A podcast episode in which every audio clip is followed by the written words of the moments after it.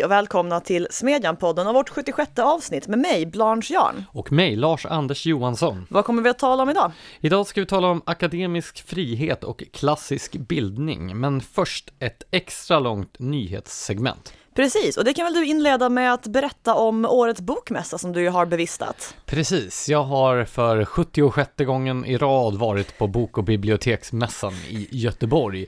Och Jag eh, visste att du var äldre än du påstod. Det börjar bli lite grann som med Almedalsveckan, nämligen den här overklighetskänslan att så fort man kommer dit så känns det som att det bara är en fortsättning på det föregående årets evenemang, som att det aldrig riktigt upphört. Jag föreställer mig att helvetet, om det finns ett sådant, det är som en evighetslång bokmässa som aldrig tar slut, där man då tvingas gå runt i det här oavbrutna obrutna sorlet och så vart man än vänder sig så ser man antingen Jan Guillou eller Göran Greider. Åh gud, det låter som perfekt för typ så här femte ringen i helvetet.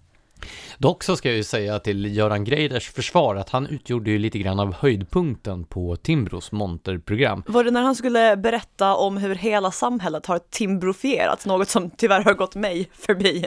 Ja, det där är ju en ständigt återkommande käpphäst.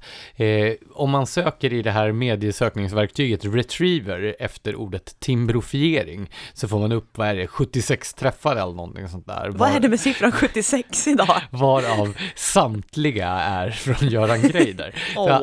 Eh, I korthet kan man väl säga att Greiders tes är att eh, Sverige har blivit ett nyliberalt helvete och det beror på att Timbro har varit så otroligt framgångsrikt i sin opinionsbildning. Och om just detta så samtalade då förlagschefen Andreas Johansson Heine med Greider i Timbros monter. Och där kan man väl säga att det är ändå ganska skönt att han dyker upp och, och resonerar kring, kring sin konspirationsteori. Jo, det är väl alltid något, men ehm, jag har fortfarande svårt att se det. Alltså det nyliberala helvetet. Däremot tycker jag Jo, ju att du- Greider borde ju författa alla våra årsrapporter i framtiden från Timbro. Han kan ju hypa oss på ett sätt som vi aldrig skulle få för oss att göra själva. Ja, men du vet, de två senaste åren så har Sverige sjunkit från första till tredje plats vad gäller totalt skattetryck. Så det är ju klart att nyliberalismen står för dörren. Men okej, annars då. Bokmässan har ju fått eh, höra att den varit lite trött på sistone. Jag tycker den har varit trött hela tiden, men jag har bara varit där tre år fram till och med förra året. Den har känts ungefär jämngrå. Ja, jag har ju varit trött sedan jag kom hem från bokmässan, men det kanske är ett annat typ av orsakssamband. Men eh, nej, jag skulle säga att eh, mässan har väl som sådan inte riktigt återhämtat sig efter den här dippen som var 2017, där det var stora demonstrationer och massa människor som bojkottade mässan och så vidare. Och jag är inte säker på att det beror på det, att den inte har återhämtat sig. I år var till exempel första gången då jag såg stora ytor i mässhallarna där det inte var några montrar. Det var alltså inte slutsålt. Alltså öppna ytor i mässhallen på bokmässan är ju vad jag har drömt om de här tre åren i rad. Jo, precis. Eh, Men jag tror att den här typen av eh, mässor och eh, liksom mötesplatser kanske på något sätt har spelat ut sin roll, åtminstone i den form som vi är vana vid dem. Almedalsveckan dippade ju i år till exempel. Det var första gången någonsin som Almedalsveckan hade färre besökare och färre evenemang än föregående år. Så det är ju någonting som händer. Jo, jag antar det. Samtidigt tycker jag att Almedalsveckan fortfarande har lite mer going for it än vad bokmässan har. Men medan jag slet i mitt anletes svett i Göteborg så var ju du också på en mässa, eller hur? Oh ja, jag insåg ju efter eh, det avsnittet vi spelade in på International Talk Like a Pirate Day att jag, är, jag har väldigt låg piratkred. Jag, jag, Skoja inte. tack för att du invände artigt mot det påståendet. Nej men alltså det, jag var ju en bedrövlig pirat rent eh, audiellt. Eh, så jag bestämde mig för Även att... visuellt. Tack, tack. Eh, så jag bestämde mig alltså för att eh, bättra på bitar av detta och gick på en romprovning på öl och whiskymässan. Så nu är jag certifierad romdrickare och kommer nästa år att gö- göra en så stark piratfigur. Det ser vi alla fram emot. Vi lämnar bokmässan och vi ger oss till ett annat evenemang. Det är evenemang, vad heter det? Evenemang? Event? Nej, evenemang är det Evenemang, svenska. satt det. Japp. eh, som har teamat i helgen, nämligen eh, Centerpartiets kongress, eller partistämma, eller vad kallar de det? Alla partier har olika namn för det där och det irriterar mig. Är det, det, det är inte det som har kommundagarna? Nej, det tror jag inte. Det är väl Moderaterna. Och det är, inte, Ja. det är inte samma sak heller, för då är det ju kommunpolitiker som träffas. Centerpartister landet över har hur som helst samlats tillsammans i en lokal för att diskutera sin politik. Och bland annat så har det kommit fram till att de inte tycker att man ska få eh, utföra omskärelser på manliga spädbarn. Nej, och det här har ju väckt en del uppståndelse. Framförallt så har företrädare för den judiska minoriteten reagerat med emfas, men även en hel del andra som menar att det här ställningstagandet går på tvärs mot Centerpartiets påstått liberala ideologi och att det är ett hot mot religiösa och etniska minoritetsgrupper som ägnar sig åt den här omskärelsen. Är det det då? Ja, det här är ju en eh, intressant och svår eh, principdebatt som dessvärre har landat i det sedvanliga skyttegravskriget. Men om man ska försöka försöka analysera då Centerpartiets ställningstagande, eller ställningstaganden, för det är ju inte, det är ju inte bara så att partiet har tagit ställning mot eh, manlig omskärelse, utan de har ju också meddelat att de inte kommer att driva den här frågan i riksdagen. Eller eh, som någon fyndig person eh, uttryckte det på Twitter, att eh, först lade Centerpartiet fram förslaget, sen drog de tillbaka det. Och det där, det där var så, det där var så buskislågt. Men om vi då från eh, vårt Nej men vad fan! Jag försöker gå vidare här i Jo, samtalen. snälla låt oss gå vidare. I- Om vi då från vårt elfenbenstorn ska analysera själva den här sakfrågan, vilka principer är det som står emot varandra här? Eh, nej men till att börja med så har vi ju principen att eh, så länge föräldrar inte gör skada på sina barn så bör det få bestämma över vad som händer med barnen och vilken typ av uppväxt det ska ha och även liksom vissa religiösa seder och bruk och så. Eh, å andra sidan har vi ju principen att föräldrar inte ska få skada barnen. Eh, och det här är ju ändå ett- ett permanent ingrepp, även om vad jag förstår meningarna lite går isär om hur skadligt det är. Um, sen är det ju så här principen att det alltid måste finnas starka argument när staten ska gå in och förbjuda grejer rent i allmänhet. Ja, absolut. Det finns ju risken att det är ett sluttande plan också när eh, staten går in och reglerar sådana här saker så flyttar den fram sina maktpositioner, sin maktposition på den enskildes och civilsamhällets bekostnad. Men eh, det är ju inte så som båda sidor i, i debatten försöker påskina en helt enkel och självklar avvägning.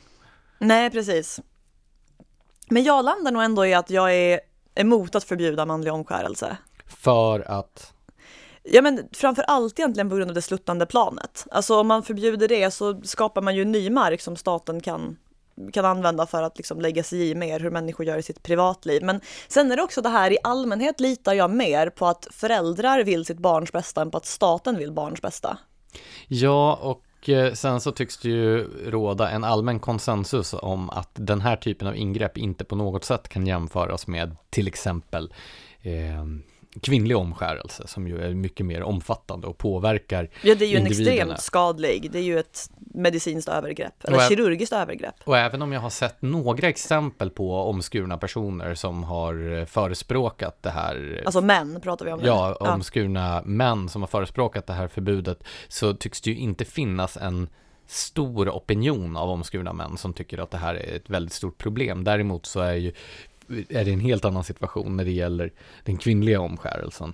Jag tänker sådär, så här också, om man då är en motståndare mot den här sedvänjan, då kanske det vore effektivare att försöka driva opinion för att få de som ägnar sig åt det att eh, upphöra med den eller förändra den än att vilja använda statens våldsapparat för att komma till rätta med den. Jo, men det där är ju så himla typiskt för svensk politisk mentalitet, att vill man åstadkomma någonting så går man via staten, så tanken att göra det själv dyker liksom inte alltid upp i, i huvudet. Nej, precis. Men jag tänker på en annan sån där sedvänja som ju, nu vill jag inte sätta likhetstecken mellan dem, men när man förbjöd barnaga i Sverige, då skedde ju förbudet när aga i princip hade upphört. Det är ju ofta så att eh, lagstiftningen kommer ju efter när det redan råder i praktiken konsensus. Ja men det är för att lagen följs ju inte om den inte har någon sorts förankring i vad folk uppfattar som rätt och fel. Problemet här är väl att i Sverige så är det, man skulle kunna säga att det finns en konsensus om att man inte omskär eh, gossebarn eftersom majoritetskulturen inte ägnar sig åt den sedvänjan. Och då blir det ju istället så att majoriteten tillämpar sin syn på kultur på en minoritet och ett slags majoritetsförtryck av minoritetsgruppen. Och det är ju det också som de här judiska företrädarna reagerar så starkt emot. Ja. Men det har i alla fall varit ett otroligt högt tonläge på alla, alla håll och kanter och jag undrar om Centerpartiet vann några ytterligare röster på sitt ställningstagande. Jag är milt skeptisk. Eller på tillbakadragande. Nej men för, okej okay, nu byter vi ämne till Nyamko Sabuni som har gått ut med att hon är negativ till höghastighetståg. Och det här är ju väldigt positivt eftersom det då starkt minskar regeringens chanser att få igenom dessa höghastighetståg. Ja, eh, Kristdemokraterna har ju också svängt i den här frågan och eh, tillsammans med eh, liberalpartistledarens utspel i Dagens Industri så innebär ju detta att det inte finns en riksdagsmajoritet för höghastighetstågen. Och nu kräver tydligen Miljöpartiet att eh, Liberalerna ska ändra sig i den här frågan. Men förhoppningsvis så kommer det här projektet helt enkelt inte att kunna bli av. Moderaterna har ju sagt kategoriskt nej och vägrar till och med att delta i samtalen om höghastighetsbanorna. Ja, det är ju väldigt skönt. Alltså det där är ett sånt, ja men nästan men det är ett sånt praktexempel på ett skrytprojekt. Alltså man skulle göra att det tar, vad är det, någon, någon eller max två timmar mindre att resa mellan de tre största städerna och det skulle kosta så sjuka summor pengar. Alltså nu kommer jag inte ihåg exakta siffror men jag vill minnas att det var decenniers investeringar i normal infrastruktur som istället måste läggas bara på det här bygget. Alltså det är helt obegripligt varför man skulle genomföra det. Ja, och det finns ju så många nersidor också. En är ju till exempel att man inte kan för, eh, Eh, ha godstransporter på de här tågen. Så man bygger en hel infrastruktur som kostar mer än någonting annat bara för att transportera politiker mellan Stockholm och Göteborg och Malmö så att de ska slippa se resten av landet. Samtidigt då som godstransporterna fortfarande är hänvisade till det, den gamla, det gamla järnvägsnätet. Det vore ju oerhört mycket bättre investering att rusta upp den befintliga järnvägen i så fall och kanske köra dubbelspår på de sträckor där det inte finns det och så vidare så att man kan ha både snabbare persontrafik och godstransporter. Ja, det skulle ju även gynna dem som vill eh, resa med tåg och inte bor i, då, i eller just i närheten av en storstad eller någon sån knutpunkt där den kommer att stanna. Så ja, skönt att slippa det. Tack Nyamko Sabuni. Sen så har det ju eh, uppstått en kulturdebatt med epicentrum i Sölvesborg. Ja, precis. Bakgrunden är då att Eh, den SD-ledda kommunen har uppställt kriterier för de offentliga konstinköp som ska göras för skattebetalarnas pengar. Där man bland annat då har markerat att man inte vill ha utmanande samtidskonst som man kallar det, utan istället klassisk och tidlös konst. Och det här har då delar av det svenska kulturlivet reagerat väldigt starkt på. Dels för att förslaget eller kriterierna kommer från SD-håll naturligtvis, men också för att det inom betydande delar av den offentligt finansierade kultursektorn finns en utgångspunkt som gör gällande att eh, som konstutövare ska man ha rätt att göra precis vad som helst med kommunal egendom för skattebetalarnas pengar. Vilket vi diskuterade i ett tidigare poddavsnitt med utgångspunkt då i den här Wall Street Nacka-festivalen, alltså muralmålningsfestivalen, där konstnärer också ansåg att det var fräckt att kommunen uppställde kriterier för de konstverk som man köpte in för skattebetalarnas pengar. Det är inte bara fräckt, det var väl ett angrepp på den konstnärliga friheten och allting? Ja, precis. Om man lyssnade på de överord och brösttoner som till exempel KRO, alltså Konstnärernas riksorganisation, tog till angående konstens frihet och yttrandefriheten var ju hotad, då fick man ju för sig nästan att kommunstyrelsens ordförande i Nacka, alltså Mats Gerda, skulle ha stövlat in i konstnärernas ateljéer med stift stövlar och ridpiska och förbjudit dem att utöva sin konst. Det där är typ en syn man hade velat se bara för den rent dramaturgiska världen. Nej, men alltså hela den här inställningen eh, att man då, att konstens frihet är eh, hotad om man inte har rätt att göra vad man vill med skattepengar på offentlig egendom. Den är ju ett hån mot konstnärer som är verksamma i länder där konstens frihet verkligen är hotad. Och en som då har problematiserat debatten kring framförallt då detta i Sölvesborg, det är Stina Oskarsson, tidigare chef för Radioteatern och en eh, framträdande kulturdebattör med hemvist på vänsterkanten. Eh, för då eh, full transparens så vill jag bara också meddela att jag själv har under flera år drivit en podcast tillsammans med Stina Oskarsson som heter Mellan Skylla och Karybdis där vi bland annat har diskuterat kultur och eh, yttrandefrihetsfrågor ur ett vänster respektive högerperspektiv. Hur som helst, Stina Oskarsson har då eh, invänt att eh, en hel del av den här kritiken som har framförts har varit obefogad eller ogrundad och eh, att det inte alls är så att konst, eh, konstens frihet har varit hotad. Det har gjort att betydande delar av kulturetablissemanget har bestämt sig för att fula ut Oskarsson. Ja, fiskar hon i grumliga vatten nu eller hur oh, är det?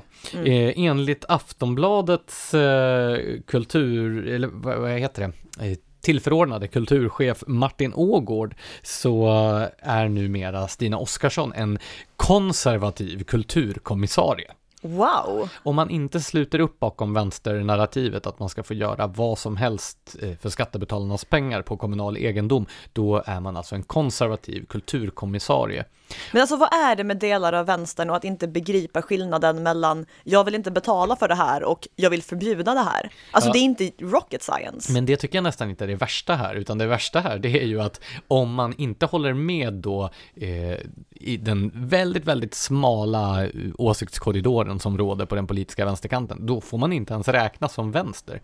Jag då som känner Stina och har samarbetat med henne kan ju garantera att hon är inte en konservativ kulturkommissarie. Eh, den som tvivlar på detta kan ju lyssna på poddavsnittet av Mellan Skylla och Karibdis när jag och Oskarsson går runt på Armémuseum och diskuterar eh, Försvarsmakten. Eh, det var inte en en konservativ kulturkommissarie som jag mötte där kan jag säga. Men Eh, det är inte bara Stina Oskarsson som får sig en släng av sleven utan en uppsjö andra, bland annat Therese Boman då som nu har blivit eh, konstredaktör på Expressen, eh, räknas bland de här då som anklagas för att vara konservativ kulturkommissarie. Och Oskarsson angreps också av Kalle Natansson som är vd för Folkets hus och parker som menar då att, att Stina Oskarsson har relativiserat utvecklingen i Sölvesborg när vi, citat, så tydligt står inför ett hot mot demokratin.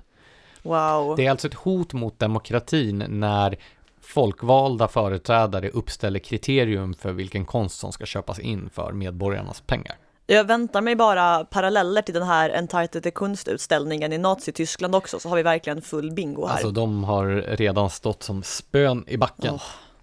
Ja, ja. Så, men eh, eftersom vi aldrig tröttnar på den svenska samhällsdebatten så fortsätter vi väl nyhetssegmentet med ett ämne som du skrev en text om, nämligen Moderata ungdomsförbundets förslag om att ersätta försörjningsstöd med eh, någon slags matkuponger. Ja, eller alltså kuponger som man kan använda till mat, kläder och hyra. Det är nämligen vad Moderaterna anser att man behöver. Och alltså... Muff. Ja, förlåt, muff. Tydlig och bra skillnad. Eh, och det här kommer alltså eh, samma vecka som Kristdemokraterna inte KDU, i, sitt, i sitt budgetförslag vill införa vad de kallar fritidskuponger eh, som alltså ska kosta oss 850 miljoner kronor. Men alltså, är det inte det här kupongsamhället som delar av borgerligheten verkar se framför sig? Känns inte det som att det finns något sovjetiskt över det här? Jo, men alltså verkligen, man ser ju framför sig så här brödköer och grejer. Men så här, på ytan så är ju de här förslagen väldigt olika. Alltså MUF har ju någonstans ambitionen att minska slöseri med skattepengar. Där argumenten är typ att eh, socialbidrag inte ska gå till lyxkonsumtion och så vidare. Eh, Kristdemokraterna verkar ju tyvärr ha ambitionen att öka slöseriet med andra skattepengar. Men problemen med de här förslagen är egentligen detsamma. Alltså, det är illa nog när staten begränsar skattebetalarnas makt över sin egen plånbok genom att ta deras pengar, men att den dessutom begränsar bidragsmottagarna makt över deras budget genom att bestämma vad de får lägga pengar på inte, det gör ju inte saken bättre. Alltså två fel gör ju inte ett rätt här. För utgångspunkten här är ju att så här, vi i Kristdemokraterna respektive MUF vet bättre än ni vad ni behöver för grejer just nu och alltså kommer vi att begränsa era möjligheter att välja andra saker. Ja, det är ju så otroligt märkligt resonerat, för så fort som man har frånhändat sig pengarna så är det ju den som har fått dem som måste besluta över dem. Det borde ju vara en, en självklarhet. Sen om någon då på ett eh, oärligt eller felaktigt sätt har tillskansat sig bidrag som den inte har rätt till, det är ju en annan typ av diskussion. Om man vill stävja bidragsfusk eller tycker att bidragsnivåerna är för höga, då får man ju diskutera det. Men att då myndigheterna ska gå in och peta i vad folk gör i sin vardag, det tycker jag är Ja men precis, alltså Benjamin Dosa som är ordförande för MUF tog upp som exempel så här, fall med folk som har använt försörjningsstödet för att eh, besöka sina gamla hemländer. Och jo, det är klart det sticker i ögonen på skattebetalarna om någon har fått så mycket bidrag att det kan åka på en sorts semester för pengarna. Absolut. Men samtidigt kan det också tänkas finnas en situation där en person som tar emot försörjningsstöd till exempel väldigt gärna vill hälsa på en släkting som blivit sjuk i ett annat land och kan tycka det är värt att prioritera ner till exempel att köpa nya kläder till förmån för att göra det. Det är en prioritering som den personen ska ha full rätt att göra. Alltså vill man snacka om nivåerna i socialbidraget, absolut, men problemet är inte att den som väl får bidraget får bestämma över hur den spenderar det. Och eh, det känns väl inte allt för långsökt heller att det skulle uppstå en svart marknad med de här kupongerna, eller? Nej men precis, alltså idén är ju då att bara för att du får den här kupongen så ska du bara kunna köpa mat, kläder och hyra. Men så här, det kommer väl att gå att handla knark för matkuponger också? Ja, sen finns det ju också ett element av stigmatiserande i detta. Det finns ju exempel från då de amerikanska delstater där man har den här typen av system. Att det är vissa typer av butiker som eh, tar emot den här typen av kuponger och att Eh, det blir väldigt tydligt vilka det är som går dit och inte. Och ibland när jag hör den här typen av förslag som kommer så får jag nästan en, jag vet inte om den är ogrundad, men jag får en känsla av att man vill nästan straffa den som går, alltså som är mottagare av försörjningsstöd för att den får skattepengar. Och det är ju en väldigt sunkig syn också. Ja, det är ju som att man tar, man tar liksom det exempel som finns på folk som fuskar sig till försörjningsstöd eller kanske tar emot pengar men inte riktigt på ett etiskt plan tycker att det har gjort sig förtjänt av. Och sen så tar man sin syn på dem och applicerar på alla som tar emot försörjningsstöd. Men tanken är ju att det här ska vara en sorts ja, men en sorts socialt skyddsnät, en försäkring för att den som hamnar på mindre grön kvist ska kunna använda den här möjligheten att liksom klara sig ett tag, det, det är faktiskt någonting som kan drabba den bästa. Ja, och sen så är det så här, man kan argumentera mot att försörjningsstöd ska finnas överhuvudtaget eller att Absolut. det ska vara så pass högt eller vad det nu är. Men att hålla på och vilja använda det för att detaljstyra människors tillvaro eller för att straffa människor för att de tar emot stödet, det är ju motsägelsefullt. Det här, däremot det här då andra förslaget. Och som Fritidskuponger. Ja, Kristdemokraterna, jag tyckte vi eh, förbigick det ganska hastigt. Vad, vad går det ut på då? Ja, men där är alltså idén att familjer, eller föräldrarna antar jag då, ska få pengar eller då fritidskuponger med pengar som är öronmärkta till vissa typer av fritidsaktiviteter som barnen ska kunna delta i. Och jag vill minnas att jag läste att liksom normalfallet skulle vara att man får typ 500 kronor per år, men det kunde vara liksom ett par tusen för familjer som till exempel då tar emot försörjningsstöd. Och det här är ju också en jättemärklig idé för att så här oavsett om man är en, så här, ändra så lever man i ett fattigt hushåll och då kanske det man behöver inte är just en fritidsaktivitet för barnen. Det kan finnas saker som är mycket viktigare för en att skaffa. Eller så lever man liksom ett bekvämt medelklassliv och så här varför ska man för det första få pengar för fritidsaktiviteter och för det andra ska man få extra pengar? Varför ska staten lägga sig i vad pengarna spenderas på? Alltså Kristdemokraterna har ju överhuvudtaget betett sig på sistone lite som att de försöker skrämma bort alla högerväljare som de lockade till sig ett tag där i våras med sin ja, men högervärderingsretorik. Men alltså, känns inte det helt klassiskt? Det är ju som Moderaterna som tog sina högerväljare för givna och sen helt plötsligt så tappade de allihop. Jo men precis, alltså först var det det här med anhöriginvandringen och sen är ju Kristdemokraterna ute och vevar mot Socialdemokraterna för att de tycker Socialdemokraterna är för höger i fråga om värnskatten, vilket ju är helt absurt. Alltså att avskaffa värnskatten är något som borde ha gjorts för länge, länge sedan, typ när den infördes. Ja, de har använt en väldigt märklig typ av vänsterretorik när de har då motsatt sig dess avskaffande. Och det där är ju förvånande. Visserligen så är ju värnskatten en fråga som berör väldigt få och eh, jag tror inte att man vinner jättemånga röster på dess avskaffande. Däremot så tror jag faktiskt inte att man vinner så mycket på den typen av retorik som Kristdemokraterna har använt mot ett avskaffande heller. Nej men alltså vad försöker de göra? Sno vänstersossar? För att det kommer inte gå till Kristdemokraterna oavsett. Jag tror att de försöker visa den egna vänsterfalangen att de fortfarande är ett snällt parti. Ja, det kan vara det också. Men okej, sammanfattningsvis i alla fall. Det är den som tar emot bidrag som bestämmer vad den behöver bäst för bidragen. Och det, och det här är någonting alltså, borgerliga politiker verkligen borde ha i sin ryggmärg, alltså en grundläggande frihetlig idé är att människor vet bäst själva, eller åtminstone ska få bestämma själva vad de behöver och vad de ska prioritera. Ord. Sen har då regeringen och dess stödpartier eh, gjort förskolan obligatorisk, men vill nu göra den här obligatoriska, vad kallas det, sexårsklassen, eller vad, vad heter det? Förskoleklassen. För, ja, till en eh, ytterligare grundskoleklass, det vill säga grund, den obligatoriska grundskolan ska, ska förlängas till tio år. Ja, alltså det är ju en totalt värdelös idé. Bakgrunden är att utbildningsminister, eller som, bakgrunden är som utbildningsminister Anna Ekström har formulerat det att eh, PISA-undersökningen visar att eleverna behöver längre tid i skolan för att hinna nå målen. Det vill säga att vi har jättedåliga resultat så vi måste hålla eleverna kvar i skolan längre. Det här är inte alls vad PISA-undersökningen visar. Den visar ju att svensk skola är dålig. Det här är en så typisk svensk politisk grej tycker jag, att man ser ett problem man har någonting kast och man tänker om vi bara liksom ökar kvantiteten av det här så kommer det bli bättre.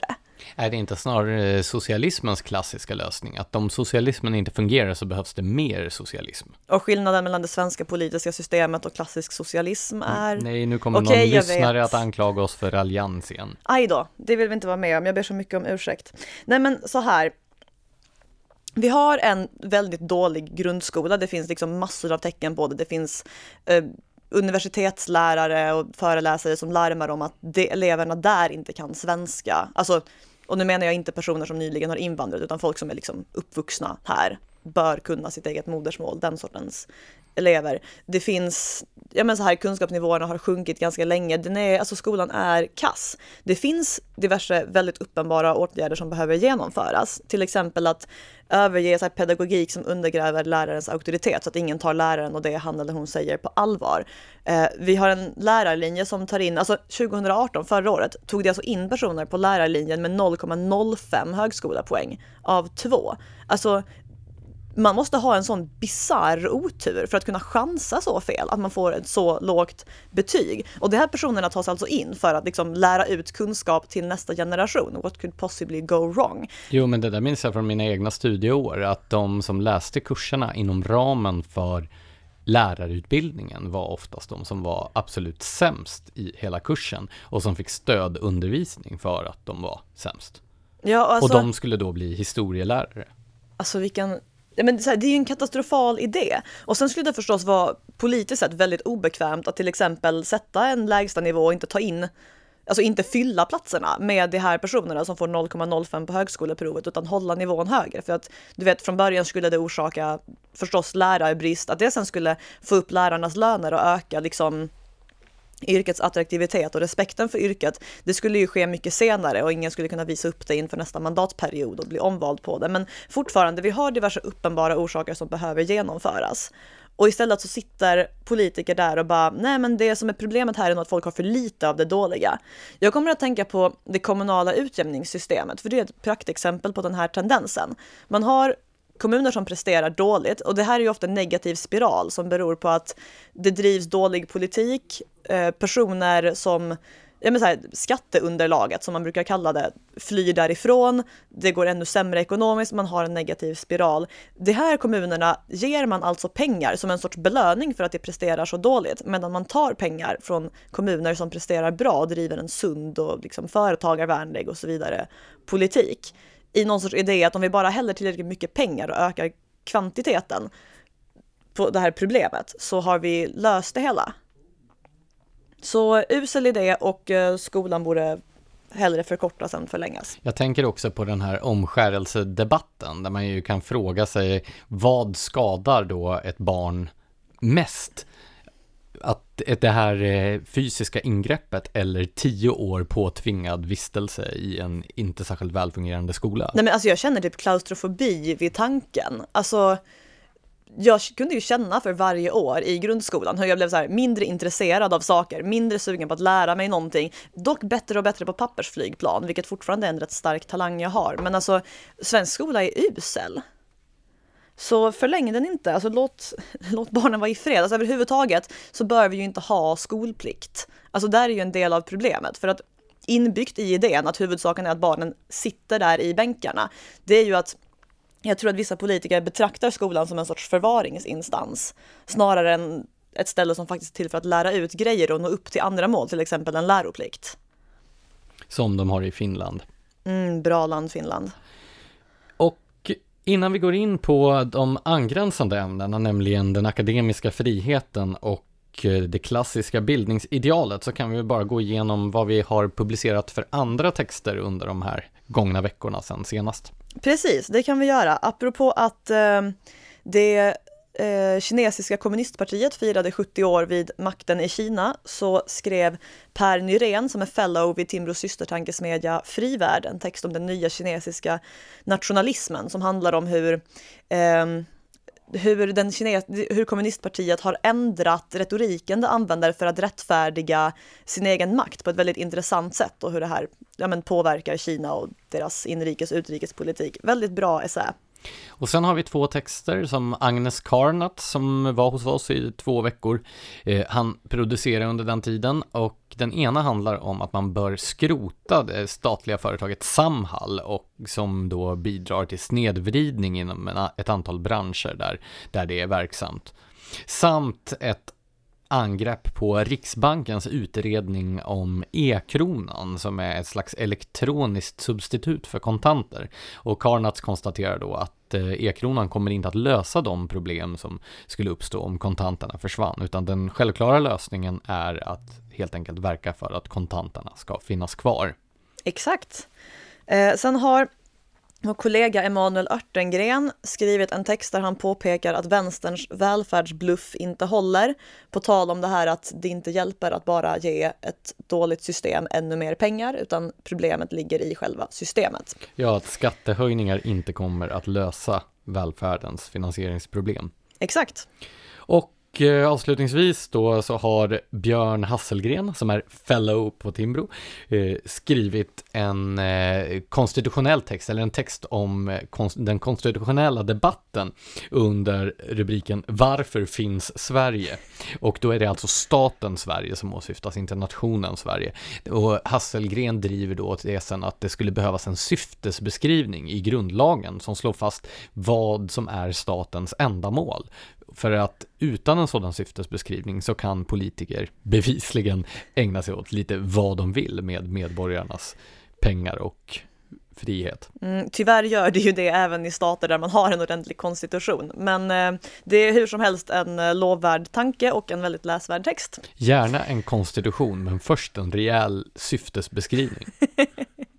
ja, det var vårt rubrikalternativ. Ja, eh, nu har vi ju bara två huvudämnen, men det gör ingenting för att vi har ju pratat i nästan 40 minuter. Så låt oss gå in på det första. Du har intervjuat forskaren, statsvetaren Erik Ringmar som var involverad i den så kallade Judith Butler-affären vid Lunds universitet och som är aktuell med en bok på Timbro förlag. Berätta, vad är Judith Butler-affären och vem är Erik Ringmar? Eh, nej men Erik Ringmar är ju eh, mannen som vägrade undervisa på Judith Butler, något han blev känd som 2017 då den här affären, eh, vad gör en affär, utbryter, inträffar.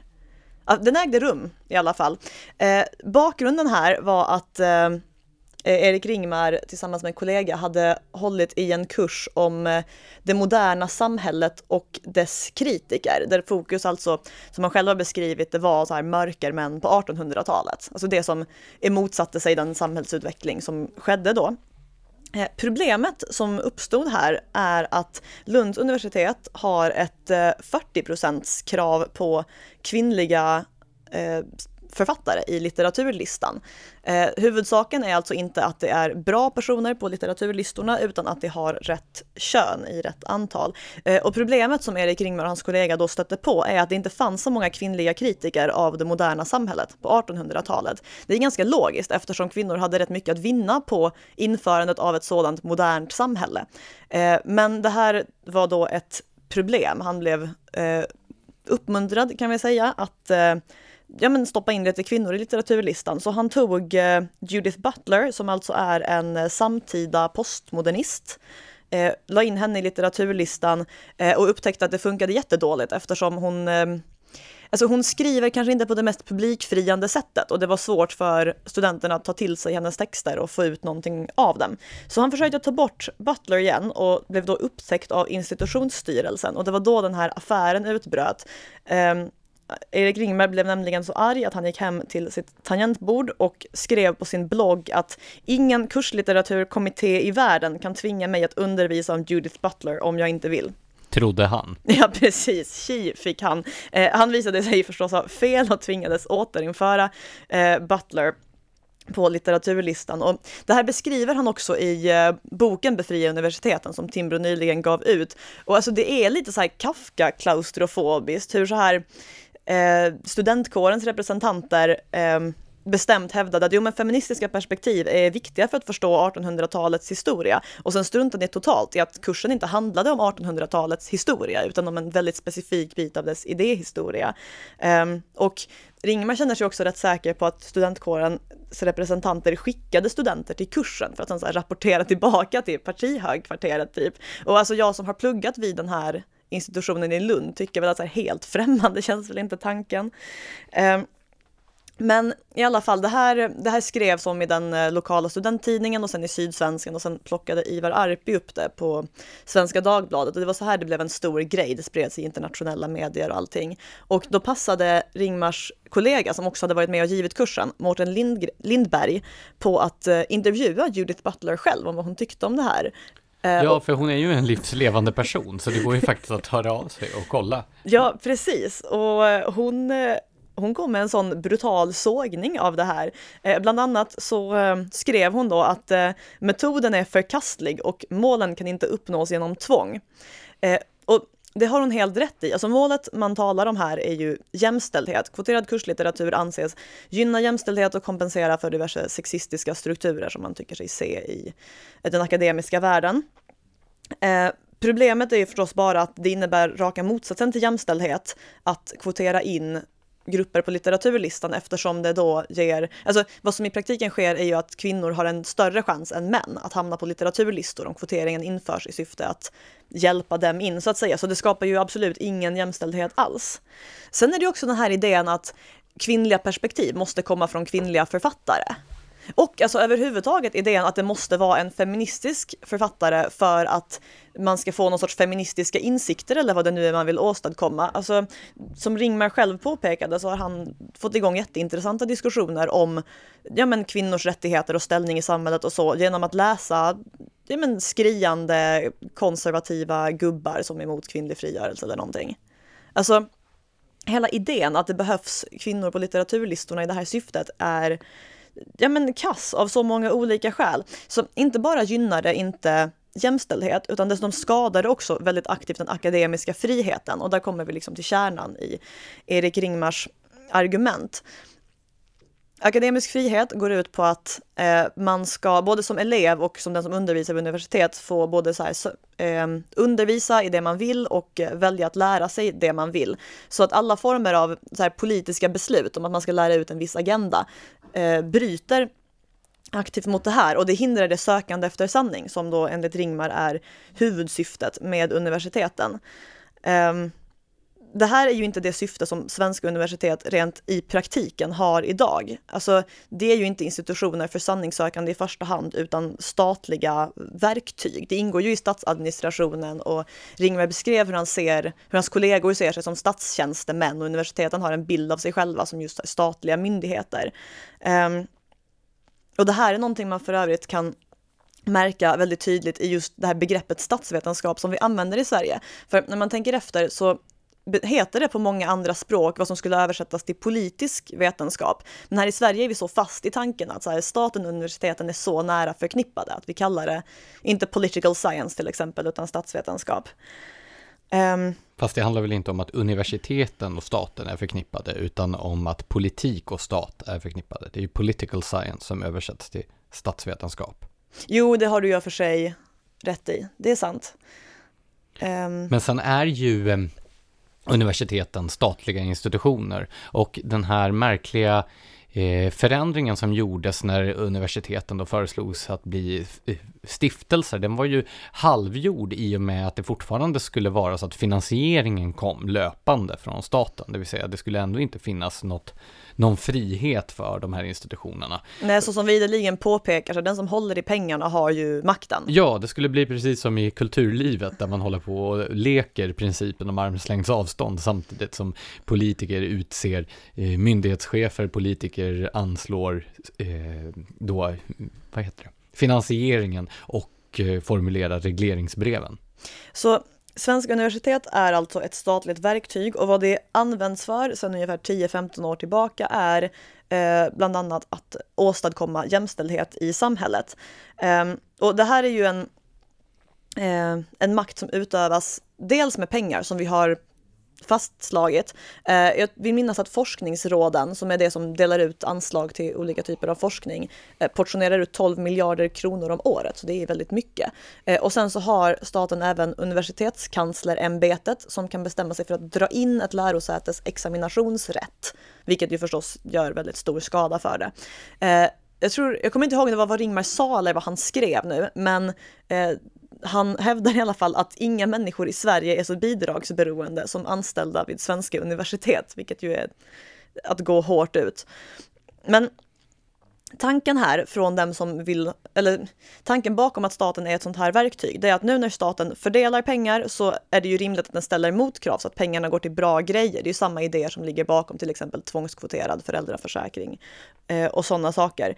Eh, här är ju ett givet problem att idealen som staten strävar efter kan ändras väldigt snabbt. Alltså har man en gång släppt in politiken i den akademiska forskningen är det ganska svårt att bli av med den igen. Eh, liksom i Sverige strävar universiteten just nu efter någon sorts, efter sin version av jämställdhet. I, visst var det Ungern som förbjöd genusvetenskap? Det var en, liksom, det gick det är ganska mycket av en handvändning. Så idealen kan ändras snabbt och det är ett argument för att inte dra in politiken. Um, men sen så gör jämställdhetsfokuset också universiteten sämre. Um, där tog Ringmar upp hur det är, liksom, det är några få forskare i Sverige som står för större delen av vår här, akademiska framgång, som får flest citeringar, vilket är hur man mäter. Naturvetenskapliga forskare Precis, dessutom. bara, alltså nästan bara naturvetenskapliga spetsforskare. Eh, och det förklarar Ringmar då med att eh, naturvetenskaperna är ganska immuna mot genusflum. Alltså man kan alltid skohorna in det på något sätt i statsvetenskapen. Att försöka anlägga ett genusperspektiv på molekylärbiologi är helt enkelt inte riktigt genomförbart. Han ger ju en ganska hård, eh, ett ganska hårt omdöme om svensk humaniora och exemplifierar då med ledamöterna av Svenska Akademin, hur sällan de nämns överhuvudtaget i ja, det ser internationella tidskrifter. Mörkt och tråkigt ut. Ja. Så han har några förslag slutligen, Erik Ringvar, på hur man skulle kunna åtgärda det här gyttret svenska universitet har hamnat i, där väl det mest Eh, Eh, men det mest uppmärksammade och det allra tydligaste är att universiteten bör fonderas. Alltså universiteten ska bli stiftelser som får en stor klumpsumma pengar och sen försörjer sig med avkastningen från de här pengarna. Här kan man ju faktiskt dra ett historiskt, en historisk parallell till Uppsala universitets storhetstid. Det var ju nämligen så att eh, Gustav II Adolf, universitetets store välgörare i början av 1600-talet, skänkte en stor Eh, en stor eh, eh, mängd jordegendomar utanför Uppsala till universitetet. Att förvalta efter eget gottfinnande, vilket gjorde att Uppsala universitet var i praktiken ekonomiskt oberoende under 200 år. Och det är som av en händelse de två sekel när då de absolut mest kända och framgångsrika personerna var verksamma, alltså Olof Rudbeck och Carl von Linné, Anders Celsius och allihopa. Så det verkar ju finnas ett starkt samband mellan det ekonomiska oberoendet från staten och då det vetenskapliga landvinningar. Ja, vilket ju är självklart, för alltså det som befinner sig i vetenskapen och akademin vet bäst var pengarna behövs och vad man har nytta av det, medan ju staten kommer att gå på så politiska modefrågor, vilket inte gynnar sökandet efter sanning, som universiteten ska ägna sig åt på lång sikt. Eh, men sen har Ringmar så här, han har, alltså jag tycker det är ett bra förslag. Sen har han diverse andra bra förslag som att till exempel få gymnasierna att bli bättre så att det som kommer till universitetet är någorlunda färdiga för en akademisk utbildning. Eh, och att sluta ta hänsyn till eh, ja, men lättkränkta snöflingor i princip. Eh, han har också ett antal idéer som är lite mer radikala till sin karaktär. Till exempel så föreslår han att man ska ta bort eh, akademiska titlar, sänka lönerna och säga upp alla marknadsförare, konsulter och kommunikatörer. Jag tror att förslagen kommer att mottas med blandad entusiasm vid lärosätena. Mm, jag frågade honom och eh, diverse marknadsförare, konsulter och kommunikatörer på hans eget universitet har inte varit jättepositiva. Tror du att professorer skulle vara jättepositiva till att bli av med sina professorstitlar och professorslöner? Av någon anledning så tror jag inte heller det. Nej men alltså mitt intryck är att Erik Ringmar har en ganska romantiserad bild av universiteten som det här ja, men sanningssökande institutioner. Han talar om en så intellektuell republik som spänner över alla gränser där alla tänkande och skrivande och människor ingår och det är ett stort samtal som pågår och det är ju en väldigt fin idealbild men den känns så främmande om man tittar på hur verkligheten ser ut idag för universitet att man ändå tänker romantiserat. Och det här leder ju oss då osökt in på nästa ämne, nämligen det klassiska bildningsidealet som jag har skrivit om i veckan. Eh, det var ju nämligen så att det här bildningsuniversitetet som eh, Ringmar eh, förfäktar hade sin storhetstid från början av 1800-talet. Det var ju Tyska Ber universitet. Ja, det Berlinuniversitetet som grundades av von Humboldt som var förebilden och Sverige var ju under den här perioden i det närmaste ett slags eh, tysk satellitstat i kulturellt hänseende och de svenska universiteten blev då eh, inspirerade av de tyska förlagorna. Och det här bildningsidealet präglade universitetsutbildningarna ända fram till 1968-69 när då ecklesiastikminister Olof Palme genomför den stora omläggningen av det svenska högskoleväsendet, då universiteten förvandlas från bildningsinstitutioner till arbetskraftsfabriker. Det var de stora efterkrigsgenerationerna alltså 40-talisterna, som Per Nuder kallade köttberget, som skulle in på lärosätena. Och Socialdemokraterna har ju länge haft den här inställningen att alla ska med, och det gällde även universitetsutbildningar. Så därför infördes ett system med fasta studiegångar där utbildningarnas innehåll anpassades efter hur man föreställde sig arbetsmarknadens behov. Och det här är intressant för mot detta protesterade både de tre dåvarande borgerliga partierna och den yttersta vänstern, alltså kommunisterna. Och den här eh, kårhusockupationen i Stockholm som vi har diskuterat i podden tidigare, det var ju i protest mot Palmes utbildningsreformer.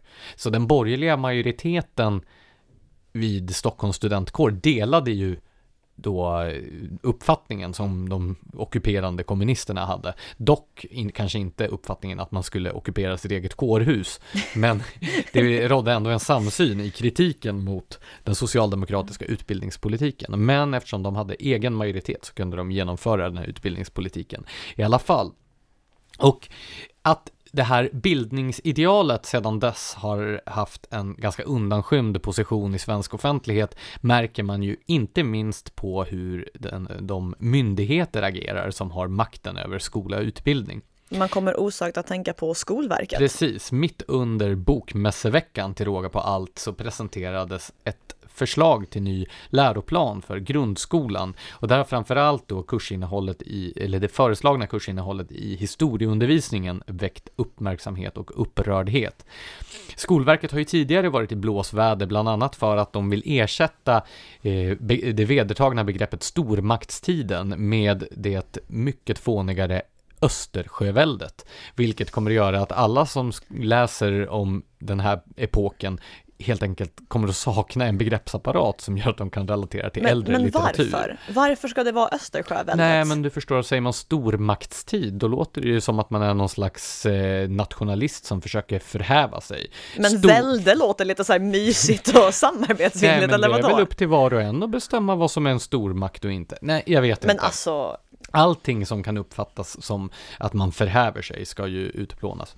Men nu har Skolverket då gått ett steg längre i sin bildningsfientliga strävan och föreslagit att historieundervisningen ska börja från och med 800-talet. Det vill säga hela antiken och den tidigaste, alltså, och folkvandringstiden och så vidare ska strykas ur grundskolans historieundervisning.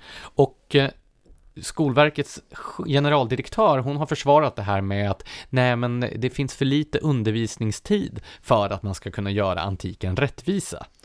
Vadå, och då borde man kanske inte, jag vet inte, flytta undervisningstid från mindre relevanta ämnen? Nej eller? men det, är ju, det där är ju snicksnack. Jag menar om man så hade en timmes historieundervisning under hela grundskoletiden så skulle man ju ändå vara tvungen att nämna antiken. Ja. Man kan ju inte göra så att man tar bort centrala epoker, man får helt enkelt då anpassa då längden man pratar om varje epok till den tid som står till dess förfogande. Ja, så om inte annat så är det ju bättre att börja med antiken och se hur långt man kommer, för har man kommit till typ 1600-talet så kan man bygga vidare på det, men det är väldigt svårt att börja i 800-talet för liksom en elev och sen gräva sig själv bakåt i historien. Det är mycket svårare än att röra sig framåt. Ja, det var som någon skrev på Facebook, att det, här, det blir ju som att börja titta på en film mitt i. Man begriper ingenting.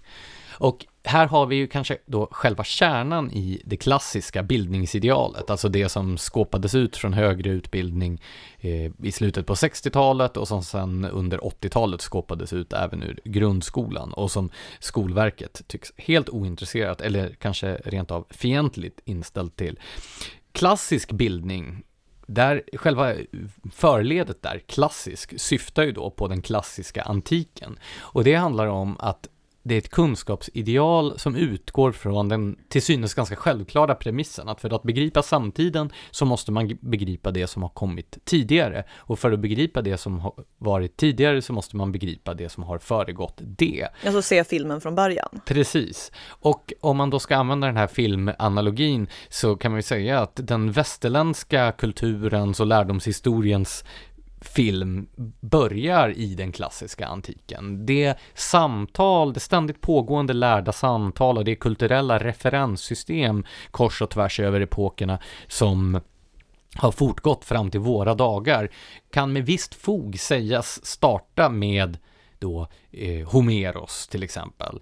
Om man ska förstå den västerländska kulturen så behöver man känna till eh, Iliaden och Odysseen, man behöver känna till Platon och Aristoteles, man behöver känna till de bibliska grundtexterna eftersom det hela tiden kommer att refereras tillbaka till dessa.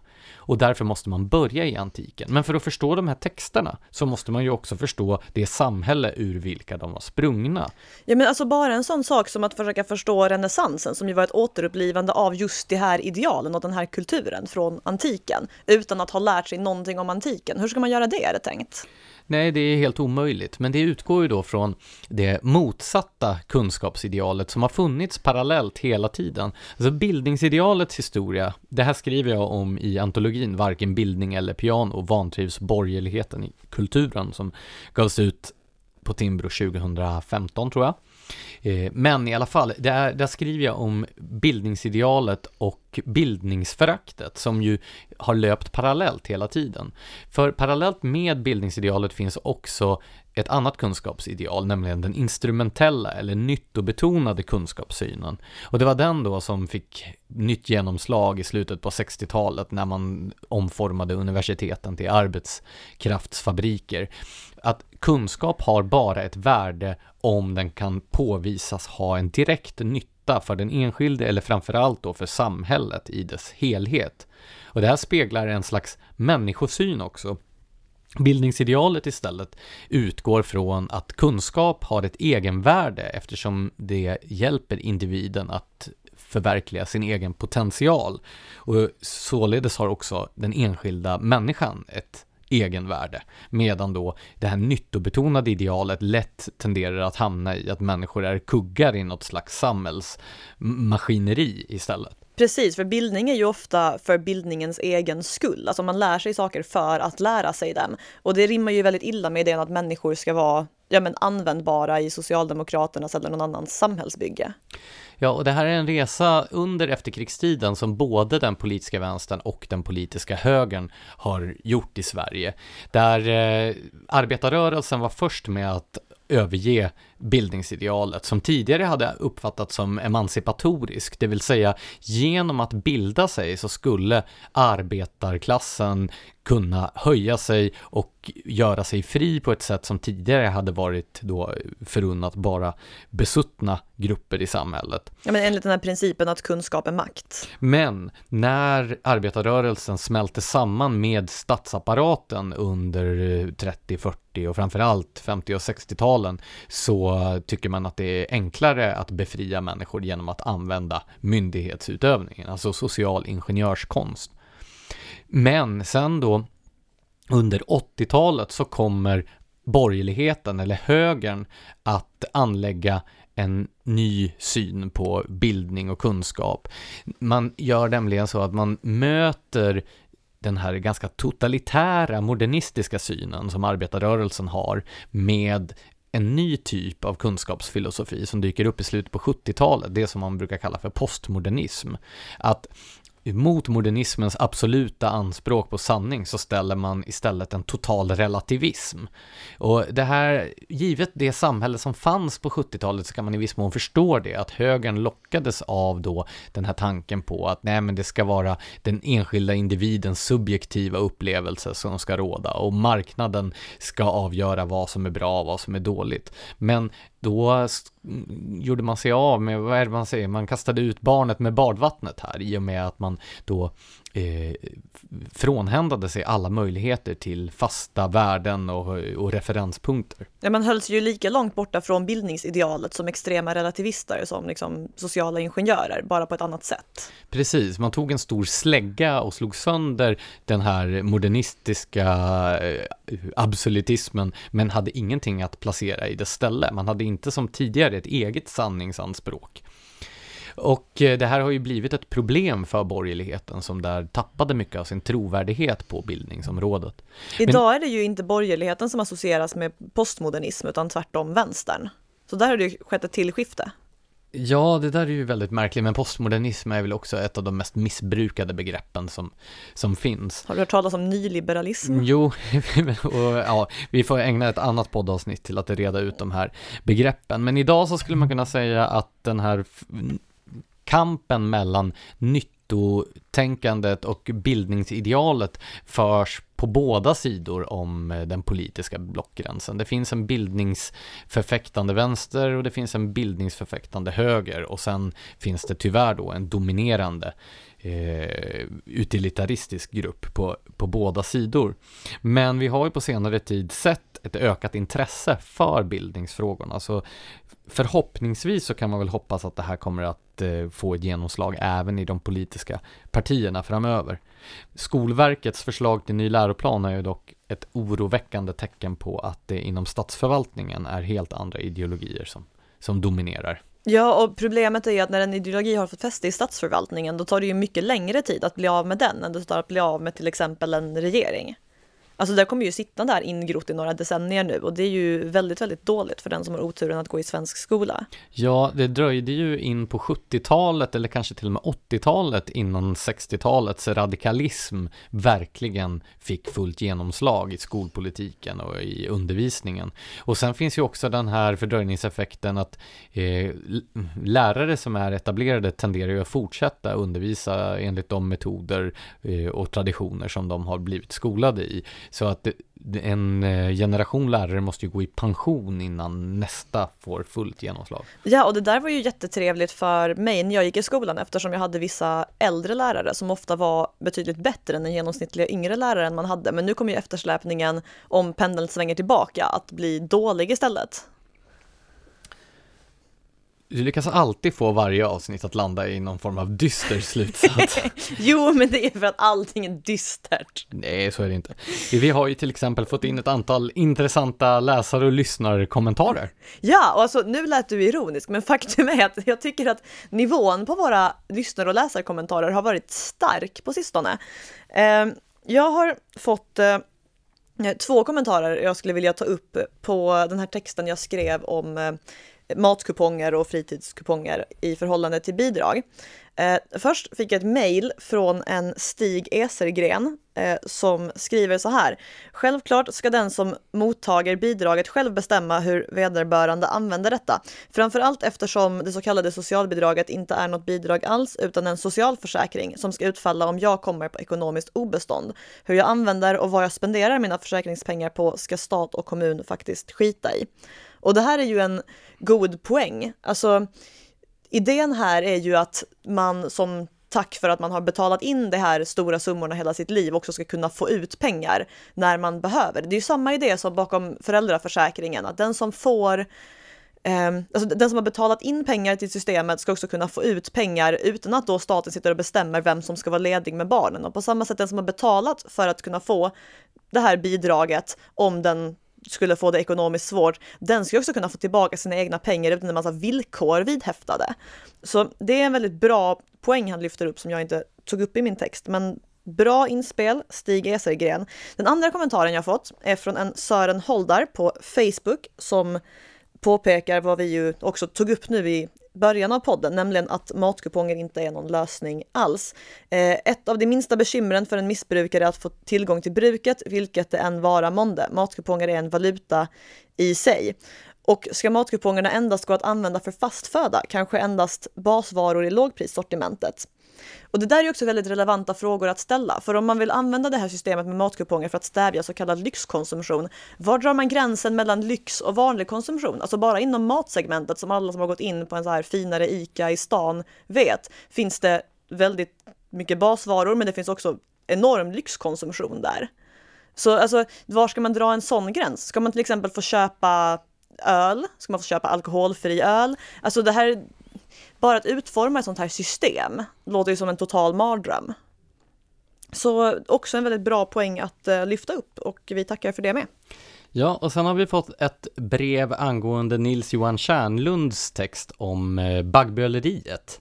Eh, lite sen kanske, men det är kul att de gamla texterna läses fortfarande. Det är Agneta Lense som är präst i Svenska kyrkan som skriver Min farfar, en allmän, ärlig och pålitlig person, skräddare och tillika kommunpolitiker på sin tid i Bjurholm, berättade själv för mig om hur hans pappa blev erbjuden ett alltför lågt pris för sin skog i Vännäsby med omnejd. Han hade inte haft råd att gå i skola och var, likt de flesta av hans bekanta, okunniga om skogens värde.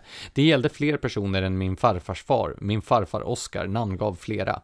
Kan hända detta förfaringssätt överdrevs och utnyttjades politiskt, precis som ni gör nu åt andra hållet så att säga, men helt klart gick det ofta till på detta sätt. Så vi utnyttjar alltså baggböleriet politiskt? Ja, alltså det finns ju naturligtvis den här typen av anekdotiska exempel på personer som gjorde dåliga affärer när det väl begav sig. Men, och nog finns det säkert också exempel på människor som de facto blev lurade. Det här skriver ju Nils Johan Kärnlund om också i sin text. Däremot så har det i efterhand framställts som att det var satt i system och som Nils Johan Kärnlund visar så har forskning på senare tid kommit fram till att den här bilden är felaktig felaktig. Delvis beror det ju på att när de stora bolagen köpte upp skog från bönderna så såg marknaden helt annorlunda ut. Det var flera årtionden senare som det här skiftet skulle äga rum när värdet på skog sköt i höjden och många av dem som tidigare hade sålt sin skog kom att börja ångra sig. Men det kunde varken skogsbolagen eller eh, Eh, de säljande bönderna tro. Eh, en sak som spelar in här också och som Kärnlund skriver i artikeln är ju att man kring förra sekelskiftet trodde att det var jordbruket som var den lukrativa marknaden. Och många bönder sålde av sin skog helt enkelt för att man ville kunna investera mer i det som man trodde var framtidsbranschen. Sen visade det sig att det var skogsbruket som skulle bli mer lönsamt.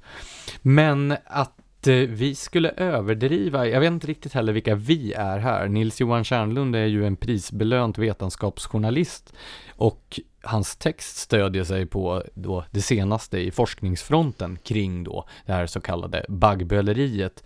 Så, så länge inte Agneta Lense kan presentera mer än en anekdot om sin egen släkting så tror jag att jag väljer ändå att hålla forskningsläget för trovärdigare. Ja, men jag tror jag instämmer i det. Men det här illustrerar väl också ett återkommande problem i debatten. För å ena sidan så är, har ju forskning blivit något slags, ja men vad var det man sa när man gick i skolan, stjärnstopp Ja men precis, fast för vuxenvärlden eller så här, spegel tillbaka. Ja, alltså, så här har jag hittat en forskningsrapport som kan visa på vad jag tycker, då jävlar har du ingenting att komma med längre. Men när då forskningen plötsligt visar någonting annat än det som ens egna fördomar säger, då är den helt ointressant. Då är det istället sådär, nej men vadå, alla forskare har en agenda och de kan man inte lita på och så vidare. Ja, jag har också fått så här kritik, eh, eller kritik, jag har fått sura angrepp från läsare när jag har skrivit en text med en politisk agenda eftersom det varit en ledartext. Eh, och sen har jag hänvisat till forskning och det är bara, nej men man kan inte lita på den här forskningen för att du tar upp den och du har en politisk åsikt. Du kanske också får den typen av respons. Och så, det jag ju... får bara vänliga mejl. inte en chans. Alla otrevliga mejl jag skickar måste ju komma liksom fram någon gång. Och med de orden så är det väl dags att att eh, avrunda det här frågesegmentet och poddavsnittet. Så tack för att ni har lyssnat. Eh, och ha en trevlig helg.